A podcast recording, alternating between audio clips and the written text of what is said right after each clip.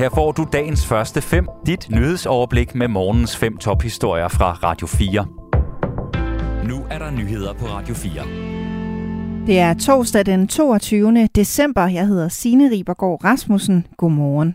Lederen af Likud-partiet Benjamin Netanyahu skriver på Twitter, at han har sikret en aftale om en ny regering i Israel. Det skriver nyhedsbureauet Reuters. Jeg er lykkedes, skriver den tidligere premierminister på Twitter. Og det sker efter flere ugers hårde forhandlinger.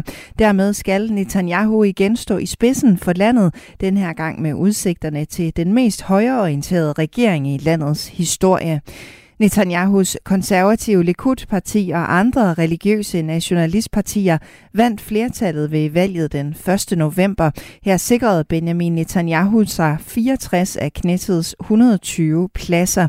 Men samarbejdet med det yderst højorienterede parti Jødisk Magt og det religiøse sionistparti har chokeret palæstinensere og liberale israelere.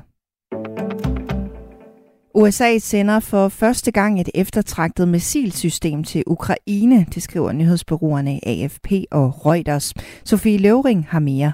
I alt vil USA sende en stor pakke med militær støtte, der svarer til et beløb på knap 13 milliarder kroner til Ukraine. Det har den amerikanske udenrigsminister Anthony Blinken bekræftet. USA har også tidligere hjulpet Ukraine med både økonomiske midler og militært udstyr. Men denne pakke er unik, fordi den indeholder det avancerede Patriot luftforsvarssystem, fortæller Blinken.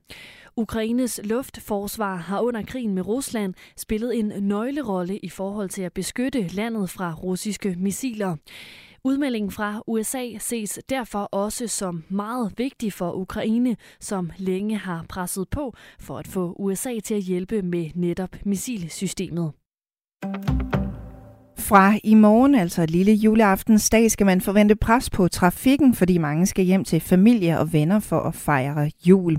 Både hos DSB og Vejdirektoratet forventer man, at der kommer pres på i juledagene. Særligt midt på dagen den 23. og den 26. december skal man forvente, at der er mange, som også er på vej hjem til jul.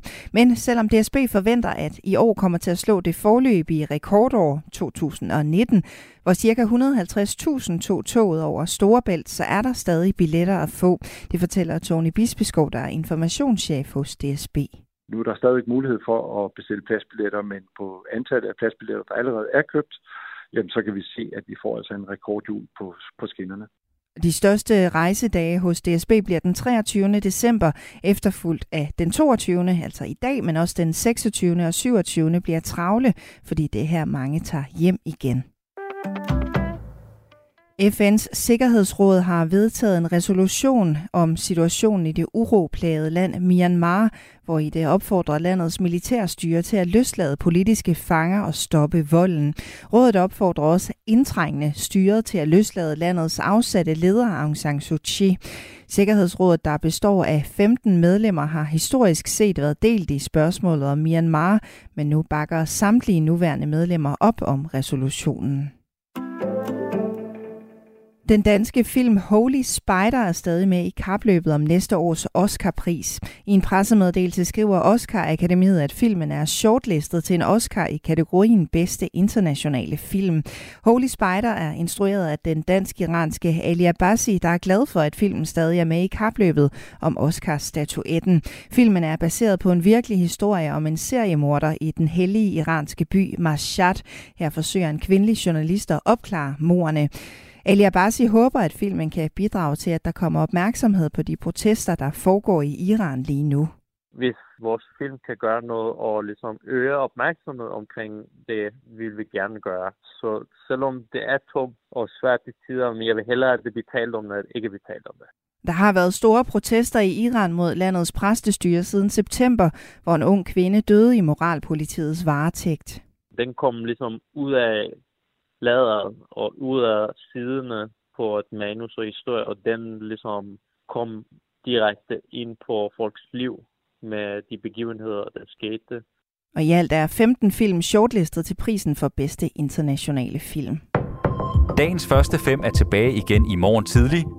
Hvis du har brug for en nyhedsopdatering inden da, kan du altid fange os i radioen, på nettet og i vores app. Vi høres ved til dagens første fem fra Radio 4.